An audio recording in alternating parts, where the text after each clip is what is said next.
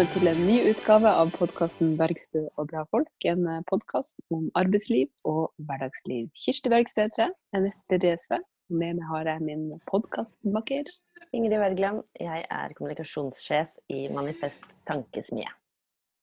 Ja, og dagens gjest er Mariann Hussein. Utrolig hyggelig å ha med deg, Mariann.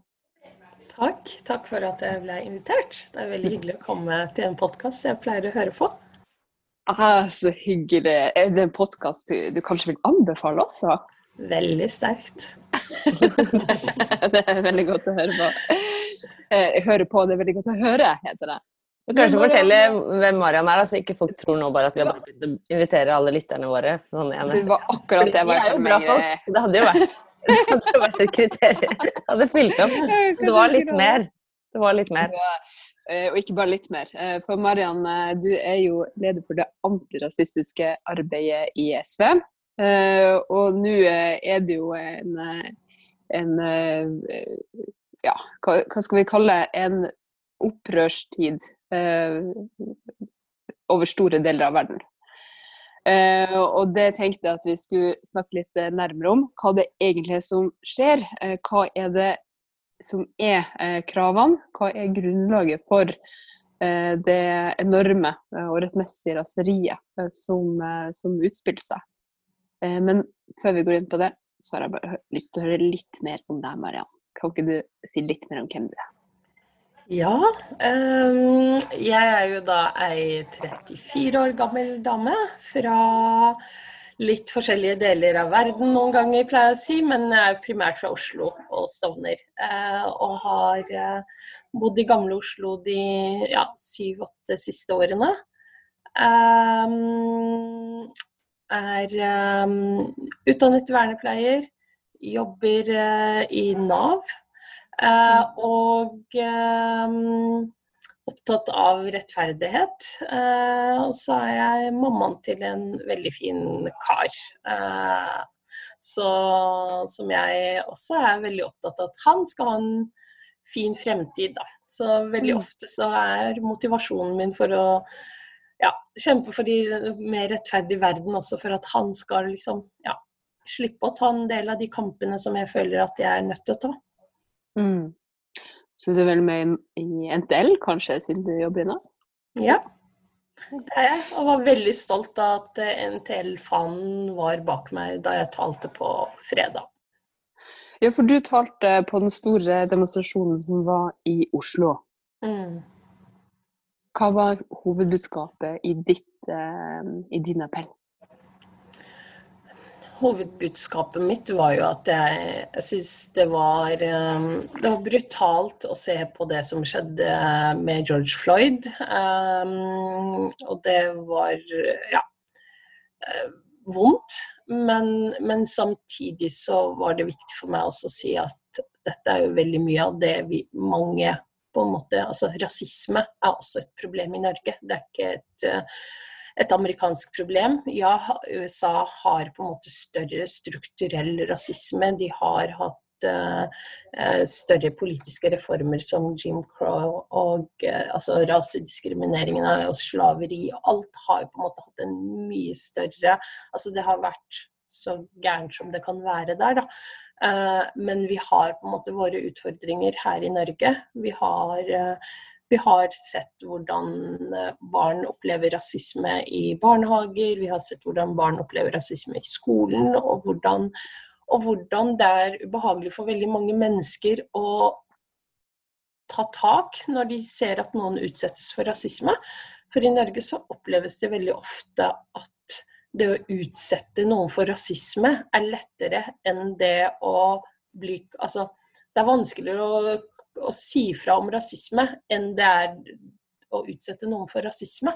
Uh, sånn at um, Så folk blir jo liksom indignert og sure og ja, uh, nesten uh, reagerer nest, altså Det er nesten sånn at den som blir utsatt for rasisme, må seinere unnskylde for å ha kalt den som har utsatt den for rasisme, fordi folk blir så sure når de blir Ja, men det der var rasistisk sagt, eller det der var rasistisk gjort, og så blir folk veldig sure og indignert. Da. Så, så, jeg opplever at det er viktig å snakke om norsk rasisme og være med å definere hvor er det norsk rasisme finner sted. Hvordan er det det påvirker de som på en måte blir påvirket. Um, så fortalte jeg om hvordan en gutt jeg kjenner eh, på 14 år ble stoppet av politiet og anholdt med håndjern i 45 minutter uh, på Tøyen. Og hvordan uh, han forsøkte liksom, Det første han spurte om, var om han kunne ringe mammaen sin, og ikke fikk han lov til det. Og etter 45 minutter så fikk de gå. Og de var jo flere venner. Og den episoden ble jo ikke rapportert. Uh, og så hørte jeg på radioen uh, at politimesteren i Oslo uh, sa at ja, men vi får jo ikke så mange klager. Men jeg vil jo helst slippe å klage på måten politiet oppfører seg på. Jeg vil jo helst at de skal generelt bare loggføre det dere gjør. ikke sant? Eller sånn som um, kravet fra arrangørene av uh, av demonstrasjonen på fredag var, da. Gi oss en kvitteringsordning, så slipper vi å være nødt til de som klager. Altså gi oss bare et, eh, en ordning sånn at vi vet hva vi skal forvente når vi blir stoppet og sjekket. For det her er jo på en måte en, en, noe som har skjedd i Oslo ja, hele, hele tiden. Og jeg vet jo at dette også har vært gjort i andre byer, eh, norske byer. Sånn at det å å slippe å være redd for at du skal bli stoppet av politiet og loggført eh, som mistenkt i et eller annet, eller bare bli anholdt og satt håndjern. Det er kjempeubehagelig. Eh, og særlig da for 14 år gamle gutter eh, som, som, er på vei hjem fra fotballtrening. Jeg hørte også den, den uttalelsen fra politimesteren i Oslo, og da, og da fremstår det jo som altså, at når, når, politiet i Oslo blir anklaget for uh, å, å, å, drive med såkalt profilering eller uh, ja, å anholde flere folk som er mørke i huden enn ikke er det, uh, uten grunn. Er det det som ligger i profilering? Det er vel det, det begrepet betyr. Uh, så, så, er svaret at nei, men vi får ikke så mange klager på det, så det, det stemmer nok ikke. Og det er liksom uh, så, ja. så det er det uproblematisk, da? Ja, eller sa vi ikke Nei, Det blir urettferdig å si at hun, at hun bagatelliserte det så mye, men på en måte, det, det, blir jo veldig vanskelig å bruke statistikk på den måten. Da, fordi det er som, som, som du sier, Mariann, at det, det, er veldig mange mennesker som ikke vil, ikke vil, vil komme til å klage, fordi man, man, føler seg jo allerede så ekstremt urettferdig i det systemet. At da, da vil det jo det vil jo føles som helt sånn meningsløst å skulle tro at man kan nå fram eh, når man opplever at man blir stoppet Sånn som vi hørte også, eh, og sikkert mange leste i denne kronikken som ble delt eh, veldig mye eh, på fredag, fra han som fortalte at han hadde første gang ble stoppet, var han ni år, og broren var vel sju. Og politiet sa at nei, dere har ikke refleks, så derfor måtte de sitte der i baksetet av politibilen kjempelenge. Altså, det er ikke sånn at du går hjem og setter deg og skriver en klage til politiet, da. Nei, og så er det sånn at de fleste får jo beskjed hjemmefra ikke sant, om at ikke vær ute seint, ikke gå der fordi man veit hva som skjer. Sånn at veldig mange unge mennesker, når de først når de først på en måte har det møtet med politiet som er så ubehagelig, så opplever de også at ja, men gjorde jeg som mamma sa. ikke sant? Litt sånn som brødrene mine ofte på en måte fikk beskjed om. ikke sant? Kom hjem til riktig tid, sånn at dere slipper sånne ting. Eh, og så er de ute seint og kjører bil, eller er ute seint og går med vennene sine da de var yngre. Og da er sannsynligheten på en måte større for at de blir, uh, blir stoppet, ikke sant. Og, og jeg tenker at um, veldig ofte så jeg, det jeg har reagert på noen ganger, da, er jo at også det eh, norske si, minoriteter har jo på en måte forhandlet en del med rasisme. Eh, det er sånn jeg tolker det, i hvert fall. Eh, at man har gått inn og forhandlet med rasisme. Så veldig ofte så er det legene eller journalistene eller folk med litt sånn advokater og litt sånn folk med en viss type utdanning som har også forhandlet med klasse um, bakgrunnen eller ja, klasseundertrykkelsen eh, som kommer fram. Og så sier man ja, men stakkars denne personen, da. Han som er så ordentlig, skulle ikke ha blitt stoppet. Og eh, forleden dag så var det en eh, video som gikk viralt, ikke sant? hvor uh, noen norske Altså noen skuespillere med norsk uh, Ja. Som, og en artist som hadde vært nede i Sørenga, så var det en dame som kom opp til de, og så var hun litt sånn Ja, hvorfor er det alltid problemer med dere som er svarte? Eh, var hennes åpningsnesten-nummer, og hvor hun forlanget å vite ja, har dere noen bachelorgrad. ikke sant? Eh, sånn at, eh, sånn at Og det opplevde jeg på Det var en liten sånn OK, du skal på en måte være en sånn model minority. Du skal ha en utdanning, du skal ikke være på visse områder, ikke sant. Du skal Sånn at det å også innse at norsk rasisme, den den rammer også de som, de som ikke er leger og advokater, mye hardere. De som ikke kan si fra. De som er unge, som allerede på en måte kjemper for en større frihet, for at mamma lar de være ute lengre. Alle, alle, de eh, gruppene som ofte ikke kommer til å skrive kronikker og klager, de rammes jo mye hardere av rasisme til hverdags. Eh, enten det er Eh, av politiet, eller at de ikke får den deltidsjobben de har søkt på ved siden av studiet, eller at de eh, som studenter eller som på en måte i etableringsfasen blir eh, diskriminert i boligmarkedet. Sånn at, eller i skoler, da, som også var en undersøkelse Antirasistisk Senter gjorde. ikke sant? Vi vil ikke leke med deg fordi du er brun, som viste på en måte hvor Eh, hvor utbredt rasisme var i norsk skole, og hvor eh, lite kunnskap lærere har for å eh, angripe det på en god måte. Ikke sant? Sånn at det endte jo med at de ungene følte seg enda mer tråkket eller, ja, på etter at de hadde sagt ifra til de voksne. Så når du sier å forhandle med rasisme, da tenker du at, uh, altså, at man nærmest liksom åpner for at det er liksom greit med rasisme, så lenge man liksom Ja, han hadde jo ikke så fine sko på seg akkurat da han ble nektet på det utestedet, så kan vi godt skjønne at Ikke sant. Ja, ja. Man går inn på, måte, på den logikken, da. Mm. Og at vi tillater ikke sant, at en gutt som kanskje ja, ikke har en høyere utdanning og bare jobber som butikkmedarbeider, blir behandlet dårligere enn på en måte en advokat. Eh, fordi altså, man går inn og på en måte For veldig ofte så trekker vi fram de minoritetspersonene i media og gir de på en måte spalteplassen, mens de andre på en måte ikke får den samme eh, type mikrofoner om å kunne fortelle om egne opplevelser. Og det er jo hele tiden det som er på en måte strukturelt, da, at man eh, altså undertrykker også den gruppa som ikke Og det er de menneskene som kanskje har hatt Sånn som en, en annen kjent profil, NRK-profil sa, de guttene som endte opp med å ha Eh, kriminell atferd, var jo også de barna som hadde hatt jævligst barndom. Men det snakker man ikke om når man diskuterer på en måte eh, minoritetsgutter som er kriminelle. Da diskuterer man bare det faktum at de er minoriteter. Man diskuterer ikke hvilken type barndom de har, det, eller hvilket liv de har på en måte hatt før før de kom dit der de er. Da. Eh, og det opplever jeg på en måte mye.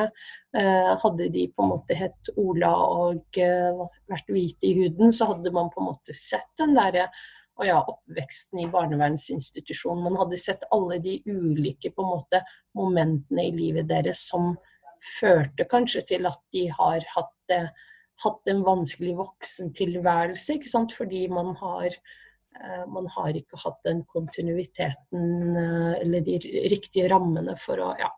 Så det er mange ganger at jeg opplever at uh, man også ser bare huden til de menneskene som, ja, som vi har i vårt samfunn, og ikke nødvendigvis ja, hvilken bakgrunn har du egentlig? Ja, hvilke opplevelser har du hatt i livet? Hva er på en måte din historie? Mm. Vi må snakke mer om klasse, altså. Vi må mm. snakke mer om klasse og hvordan noen mennesker blir straffet dobbelt for å både tilhøre riktig klasse, ikke har, uh, ja, uh, ikke har klart å på en måte tatt den reisen som på en måte er nesten sånn alle er nødt til å gjøre i Norge, hvis de har minoritetsbakgrunn i hvert fall. Det er det du mm. får, du får høre. Og, så, og, noen ganger så får man beskjed at ja, men Ali-yrkene er så uh, utdatert. Og så tenker jeg nei, hvis du må forhandle med rasisme, så er det faktisk ikke utenkelig at folk uh, tar advokat i leger og ingeniørutdanningene. men så har vi jo hatt en diskusjon også denne våren, en norsk diskusjon om jusstudiet, ikke sant, og hvor, ja, hvordan de minoritetene som er jurister, kanskje ikke var så flinke, da, ifølge noen. Så, så, er, så, den rasismen er jo der. Det er bare at de har kanskje en annen posisjon til å forhandle med den, som sagt, da, enn det de var i forkant. For Det er et, eh, liksom, et godt, godt, begrep som kanskje ikke alle kjenner, ali-yrken. Altså A for advokat, L for lege og I for ingeniør, som jo har på en måte vært eh, på en måte prestisjejobbene som, som, man jo har sett vært uh, høyt, høyt søknads, høye søknadstall til fra folk med, med minoritetsbakgrunn. Nettopp ja, fordi det er jo sånn trygge, sikre jobber med, uh, med klare, definerte rammer som, som, på en måte kan være jobber du ikke ja, Det ville vært ja, kanskje vanskeligere å bli man kan, Burde man håpe, da uh, utsatt for rasisme når man har så, så tydelige på en måte, profesjoner. Da. Uh, mm. Men så er det da, som du sier uh, Man skal behandle alle skikkelig uansett om man har tatt Ali-utdannelsen eller ikke, liksom. Mm. Ja. Men man kommer jo ikke nødvendigvis, med noen unntak, da, inn i de yrkene heller. altså, jeg har møtt noen taxisjåfører i Oslo med ingeniørutdanning, for å si det sånn. Ja, og det, eh, men, mm. det er jo også det, ikke sant. Det er jo ikke alle som klarer den overgangen, det å omsette den utdanningen de har til eh, så de fleste på en måte jobber jo i yrker de er overkvalifiserte til, men samtidig så er det det der med å Ja, det med å få jobb, da. Eh, det å ha gode arbeidsvilkår, det å slippe å måtte jobbe to renholdsjobber, det å måtte slippe å jobbe holdt jeg på å si 20% hos en arbeidsgiver og tilnærmet 80 eh, uten kontrakt hos en annen arbeidsgiver. Fordi menneskene som ehm, nå også rammes hardt av korona, er jo de menneskene som har hatt sånn oppdragsbaserte eh, arbeidsgivere, eh, hvor de bare har vært tilkallingsvikar. ikke sant? De har eh, ti timers avtalt, og så jobber de på en måte så å si fulltid. Men så eh, har ikke de de samme rettighetene. Um, um, sånn at um, Eller det at vi ikke tar tak i noen ganger når godt nok når arbeidsgivere også utnytter disse arbeidstakerne, ikke sant. Med å ikke betale de skikkelig. Altså lørdagstillegg. Jeg leste en Fafo-rapport for en stund siden. for Da var jeg litt sånn skulle dyp, ta dypdykk i renholdsbransjen. Og da er det jo sant, de med minoritetsbakgrunn som hadde hatt kortest botid, som ikke fikk eh, kveldstillegget sitt og lørdagstillegget sitt. Sånn at de jobbet jo på en måte oftere eh, til eh, ubeleilige tider, men ikke fikk den kompensasjonen de, de skulle ha. Fordi selv om man snakker om sosial mobilitet og det er hyggelig at folk får seg imponerende utdannelser, og sånn, så er jo det aller viktigste er jo, ja, som du snakker om nå, da, at, at, folk har gode liv uansett uh, hvor de jobber, med gode rettigheter og, og, en lønn å leve av og en pensjon å kunne bli gammel med osv. Altså, og det er litt sånn derre det ofte liksom glemmes litt når man snakker om, eh, om ja, folks uh, folks muligheter. Man, det fortelles ofte at man, liksom, ja, man, man, må jobbe hardt, og så må man stå på, og så må man ta den utdannelsen osv. At man heller liksom skal vekk fra, fra, fra noe. Da. Um, ja. men, men, så kan det være òg at de gjør alle de tingene, og så eh, Eller at de ikke gjør alle de tingene, litt sånn som meg. Jeg kom jo til Norge som barn eh, og har på en måte ikke gått gjennom et integreringsløp, men eh, gått gjennom et skoleløp, som på en måte er det barn skal. Eh, men så møter man en, et arbeidsliv hvor det blir spurt om ja, har du tatt norskprøve 3? Eh, og så var jeg første gangen jeg ble stilt det spørsmålet, så var jeg litt sånn eh, hva er det for noe? Jeg har norsk utdanning. Eh, og, det, og, og, så ser man etter hvert da, hva er det disse disse norskspråkkravene gjør med mennesker? Jo, de lager eh, en del, eh, holdt jeg på å si hindre, altså Det er hindringer som skal på en måte også gjøre det vanskeligere for de samme menneskene som man ønsker skal få ja, etablerer seg godt, da, eh, til at de ikke kommer i den posisjonen. Fordi alle de trygge jobbene ikke sant, blir det stilt eh, språkkrav om. Alle de utrygge oppdragsbaserte jobbene, der er det ikke språkkrav. Eh, og det burde kanskje vært språkkrav i noen yrker som ikke har det i dag. Og det burde ikke ha vært i en del yrker som ikke har det. men men kanskje det er Altså, det er noen ganger at jeg opplever at man skaper også en del rammer som folk, det er vanskelig for folk å komme ut av. Um, akkurat nå så har vi, for å få oppholdstillatelse i Norge, så er det et inntektskrav. Ikke et språkkrav, men et inntektskrav. Uh, men når du Og så er det en lov som ligger til behandling på Stortinget nå, som setter et språkkrav uh, for statsborgerskap uh, som er høyere. Eh, men hvis du først ble nødt til å gå ut og jobbe, eh, så ble ikke du etter introduksjonsprogrammet kanskje lenge nok på skolen til å klare det språkkravet som du skal klare for å få statsborgerskap. Eh, sånn at det, og det å få den overgangen etterpå, når du faktisk har fått en jobb og komme tilbake til skolen, det blir på en måte et et vanskelig løp for veldig mange mennesker. Og jeg innbiller meg at de eneste som kommer til å klare det, er sånne supermennesker som uansett hadde klart seg. De som på en måte kanskje har en skolefaglig bakgrunn fra hjemlandet sitt, eh, var kanskje leger eller ingeniører i hjemlandet, og som kan jobbe da eh, på dagtid og ta norske klasser på kveldstid. ikke sant?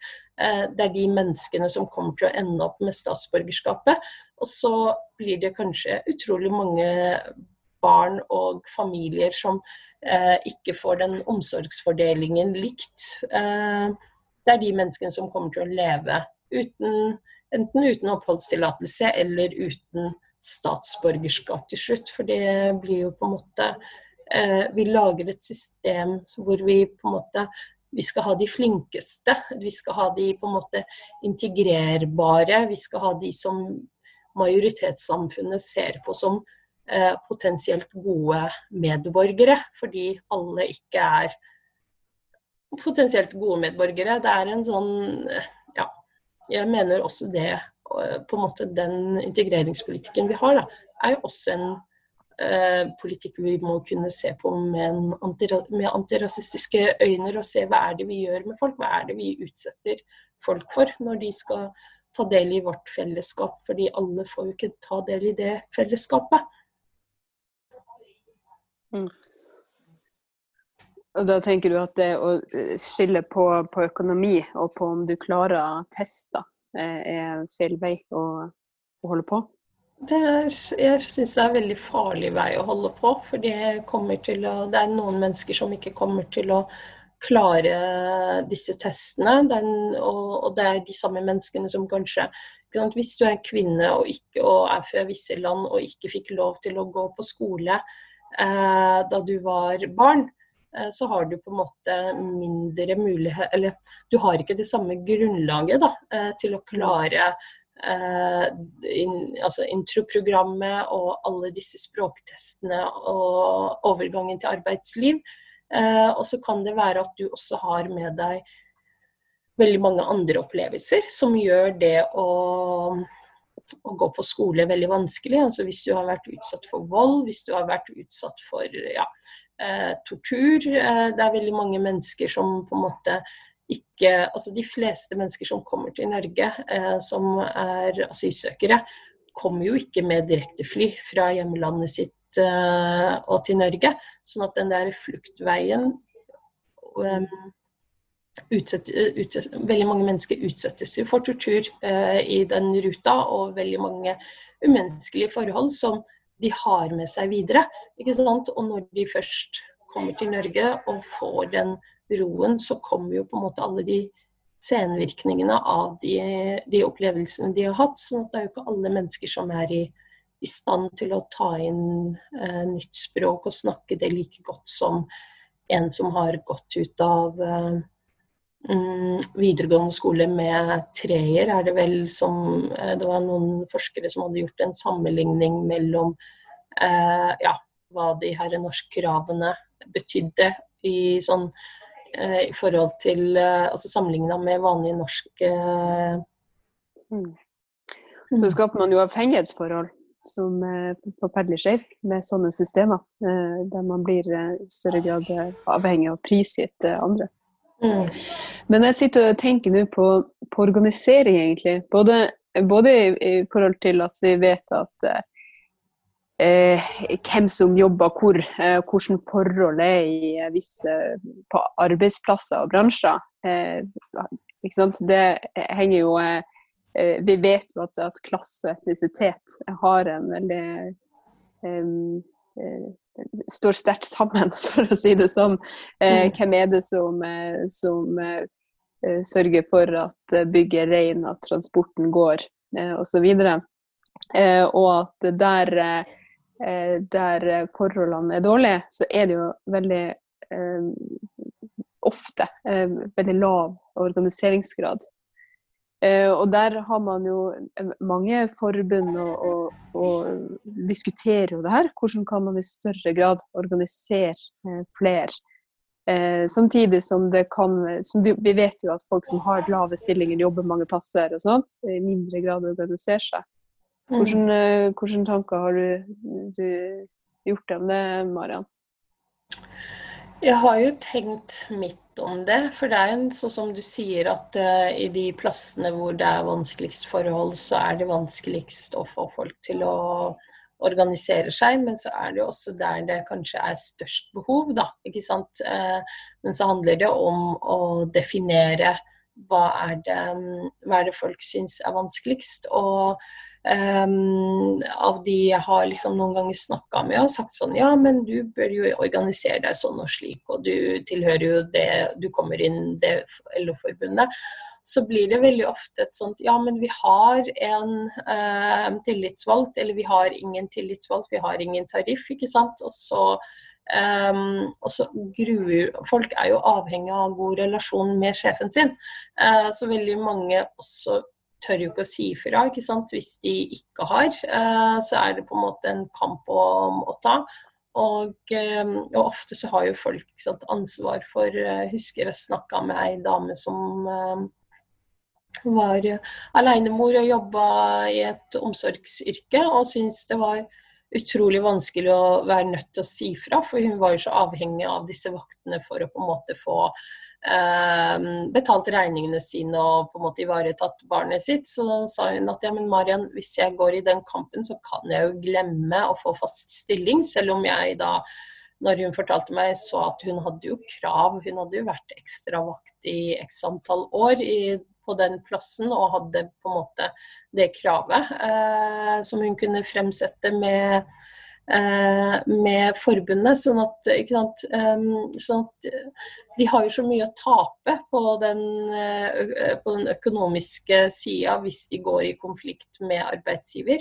Eh, og så tror jeg at veldig ofte så er det noen forbund som er flinkere enn andre til å organisere og backe sine tillitsvalgte. Og så er det andre som kanskje ikke har eh, like mange på en måte plasstillitsvalgte som klarer å se eller kommunisere også godt nok. For det er noe med det der fortroligheten og tilliten som man skal etablere med mm. tillitsvalgt, som for noen blir en sånn mismatch mellom plasstillitsvalgt og eh, de menneskene det, det, gjelder. ikke sant. Eh, og så, ja, Uten at jeg skal på en måte si at jeg kan svare på dette, så tror jeg at man trenger en mer eh, altså på tvers av forbund da, så tror jeg at man trenger en sånn erfaringsutveksling. Hvilket forbund er det som klarer dette godt? Og kunne man hatt et, um, et team som på en måte man kunne melde ifra til, ikke sant? og sagt sånn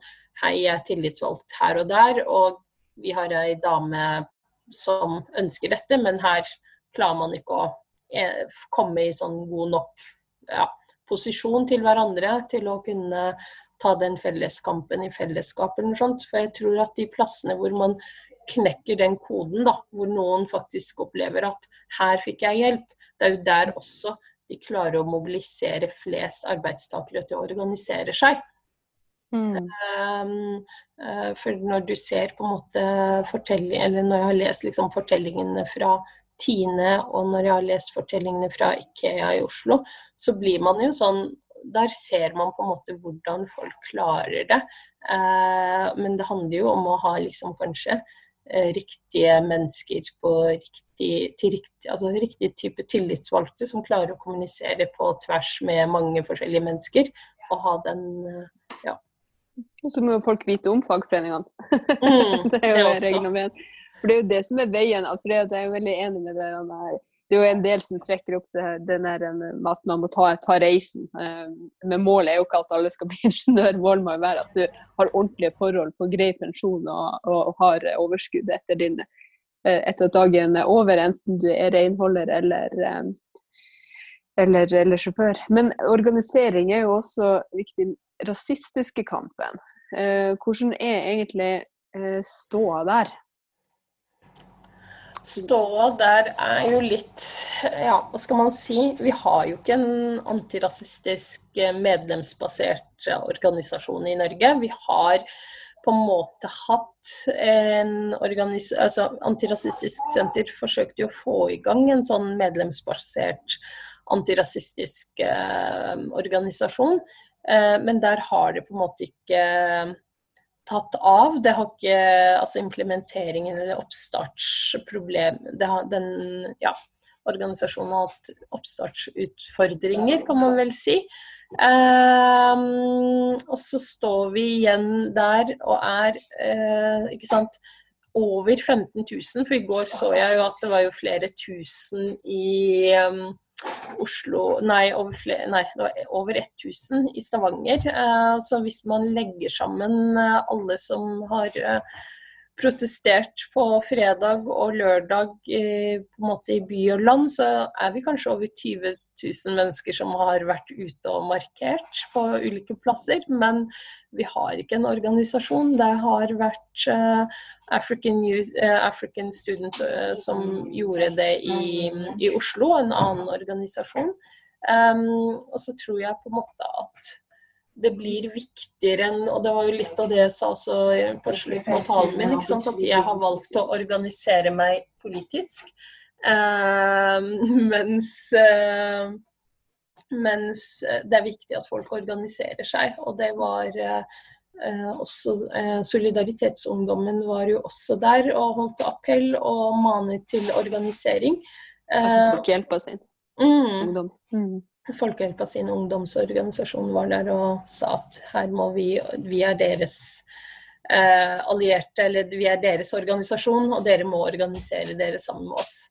Eh, og det tenker jeg på en måte blir viktig. Eh, og så, eh, og så blir det en ja, oppfølging da, til både Antirasistisk Senter og andre på en måte antirasistiske i den antirasistiske bevegelsen på hva er det vi gjør med, med å på en måte fange dette engasjementet. Fordi aktivistene og alle de som på en måte var ute, ga jo oss en sånn det her er ny, ny vår, da. ikke sant? Her spirer det, her gror det masse antirasister i Norge. Og så, ikke, så, har vi ikke det grunnlaget til å kunne ta imot det engasjementet nå. Vi har ikke på en måte medlemsmimer uh, vi kan sende ut og si meld deg inn til tjeneste, her kan du gjøre dette og dette i ditt lokallag. Uh, som jeg mener på en måte er viktig. Jeg syns det er viktig at det skal være en egen organisasjon eh, som jobber med antirasisme, sånn som vi hadde SOS Rasisme til det ble ødelagt av uh, Tjen Folke. Mm. Fordi det er jo som du sier også, det er jo Man kan jo kjempe den uh, antirasistiske kampen uh, mange steder. Du gjør, det, du gjør det i SV. Uh, jeg vet jo SU har jo mange ungdommer som er veldig engasjert i kampen mot rasisme. Men, men at det på en måte er et gode i seg selv at det er en egen organisasjon da, som har, har det som hoved, hovedtema. Ja, fordi noen ganger så kan det jo være vanskelig å på en måte Altså det skal ikke være vanskelig å få med SV i den antirasistiske kampen, men det, det bør være en sånn, et krav fra på en måte bevegelsen selv. Da, at vi ikke løper foran bevegelsen, men at det er bevegelsen som sier ifra til oss eh, på hva de ønsker at vi skal gjøre. Eh, og Det er jo litt det som på en måte er kanskje litt av utfordringen i den antirasistiske kampen, er jo at eh, veldig ofte så er det enkeltindivider uh, i, fra ulike på en måte posisjoner som eh, dikterer hva som skal skje. Jeg så jo på en måte, fulgte jo litt med når man jobbet med den handlingsplanen mot rasisme. Så var det jo på en måte eh, veldig mange enkeltindivider som var med, og noen organisasjoner, ikke sant. Men det burde jo på en måte være det burde jo være et sånt, ja, noen med større tyngde også i de prosessene, eh, som en medlemsorganisasjon kunne ha vært. Mm. Du, jeg syns vi må snakke litt uh, om, om, USA også, før vi, før vi, etter hvert skal gå inn for landing. Uh, ja, det er litt sånn stort åpent spørsmål, da, men hva tenker du om, om, om det som skjer i USA i, i, disse dager? Det er store, store demonstrasjoner etter drapet på George Floyd. Uh, ja, hva tenker du? Jeg tenker jo at det på en måte um, Jeg husker veldig godt når Barack Obama ble valgt, um, og på en måte hvor håpefulle veldig mange mennesker var. Fordi han på en måte Han hadde jo en retorikk uh, som var Som ga håp til veldig mange mennesker. Uh, uh, og så valgte, så ble han valgt, og så gikk folk på en måte og la seg for å sove. For de tenkte at nå var han på plass og skulle på en måte reformere eh, veldig mye av de her strukturelle utfordringene um, afroamerikanere har. Eh, eller møter i sitt liv. Eh, men så skjedde ikke det. ikke sant? Og så, eh, og så kan det være at de så for seg og tenkte at ja, men nå nå er han valgt, og folk ser at han er en bra mann, selv om han er svart. Så nå kommer også eh, de hvite amerikanerne til å behandle oss bedre, og det skjedde jo heller ikke. Eh, fordi det ser nå med på en måte en del av de kravene eh, fra de protestene, er jo strukturelle krav. De ønsker en endring av eh, si, kriminal, eh, kriminalsystemet og politisystemet. Og det er på en måte, De angriper det. altså Nå er det ikke lenger la oss få valgt dette ene mennesket, så skal på en måte alt endre seg. Nå er det la oss endre systemene. sånn at når man har en systematisk um, ja, oppgjør da, med rasismen i USA, så er det faktisk mulighet sant, eh, for, eh, for, å nå det målet om eh, frihet til alle og på en måte å slippe den raseundertrykkelsen veldig afro, mange afroamerikanere har opplevd. Altså at de har det i sin familiehistorie. Eh, og opplever fortsatt. Og så er det noe med at koronakrisen har jo også eh, sendt en ny på en måte sjokkbølge inni, eh, inni den afroamerikanske befolkningen. Fordi det er jo mennesker Det er jo de som har dødd. Det er eh, de som har vært smitta. Det er de som har hatt det største økonomiske på en måte eh, tapet. Eh, og det er jo ikke eh, Og de har ikke fått en samme type kompensasjon da, som jeg har uh, lest noen plasser som andre amerikanere har fått. Uh, og det er jo ikke, altså, de har på en måte nesten ikke et velferdssystem i USA, så man kan jo ikke forvente at alle får kompensasjon. Men, uh, men sett i forhold til hvite amerikanere, så viser på en måte noen av de artiklene jeg har sett, at de ikke har fått samme kompensasjon. Så jeg skjønner jo veldig godt at folk er dritlei. Eh, og veldig lenge så har de kanskje vært redde for å si fra. Men, men, jeg håper at denne våren blir på en måte litt sånn som ja, borgerrettighetsbevegelsen. At det setter i gang en hel ny generasjon som ser på en måte strukturene og ikke tenker at ting endrer seg. Og de har med seg utrolig mange også, altså kulturlivet, um, med seg. For jeg ser jo veldig mange av de her afroamerikanske filmskaperne som på en måte har um, lagd filmer som sant, um, When They See Us, som har vært en veldig populær film på Netflix, som handler om uh, fem unge svarte menn som ble fengslet i, i New York for uh, ja, over 25 år siden, er det vel snart. Ja. Så det er en del på en måte sånne um, fortellinger som også har Eh, som preger de veldig mange unge sitt, eh, sin, som er veldig bevissthet, da. Mariann, du har ikke alltid jobba på Nav. Eh, Nei. Vi har jo et fast eh, spørsmål i denne podkasten. Hva var din aller første jobb?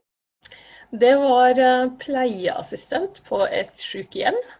Eh, så da var jeg eh, ja, ny og eh, ung og lovende, og syntes kaffe var veldig vond i begynnelsen av den sommeren da jeg fikk den jobben. Og så på slutten av sommeren så var jeg kaffeavhengig. så. Det er veien din til kaffedrikking? Det var min vei inn til Så bra. Takk for at du var med oss. Det var utrolig eh, fint. Så må du ha All, uh, lykke til i den uh, viktige kampen uh, fremover. Takk til dere som hørte på. Vi høres igjen.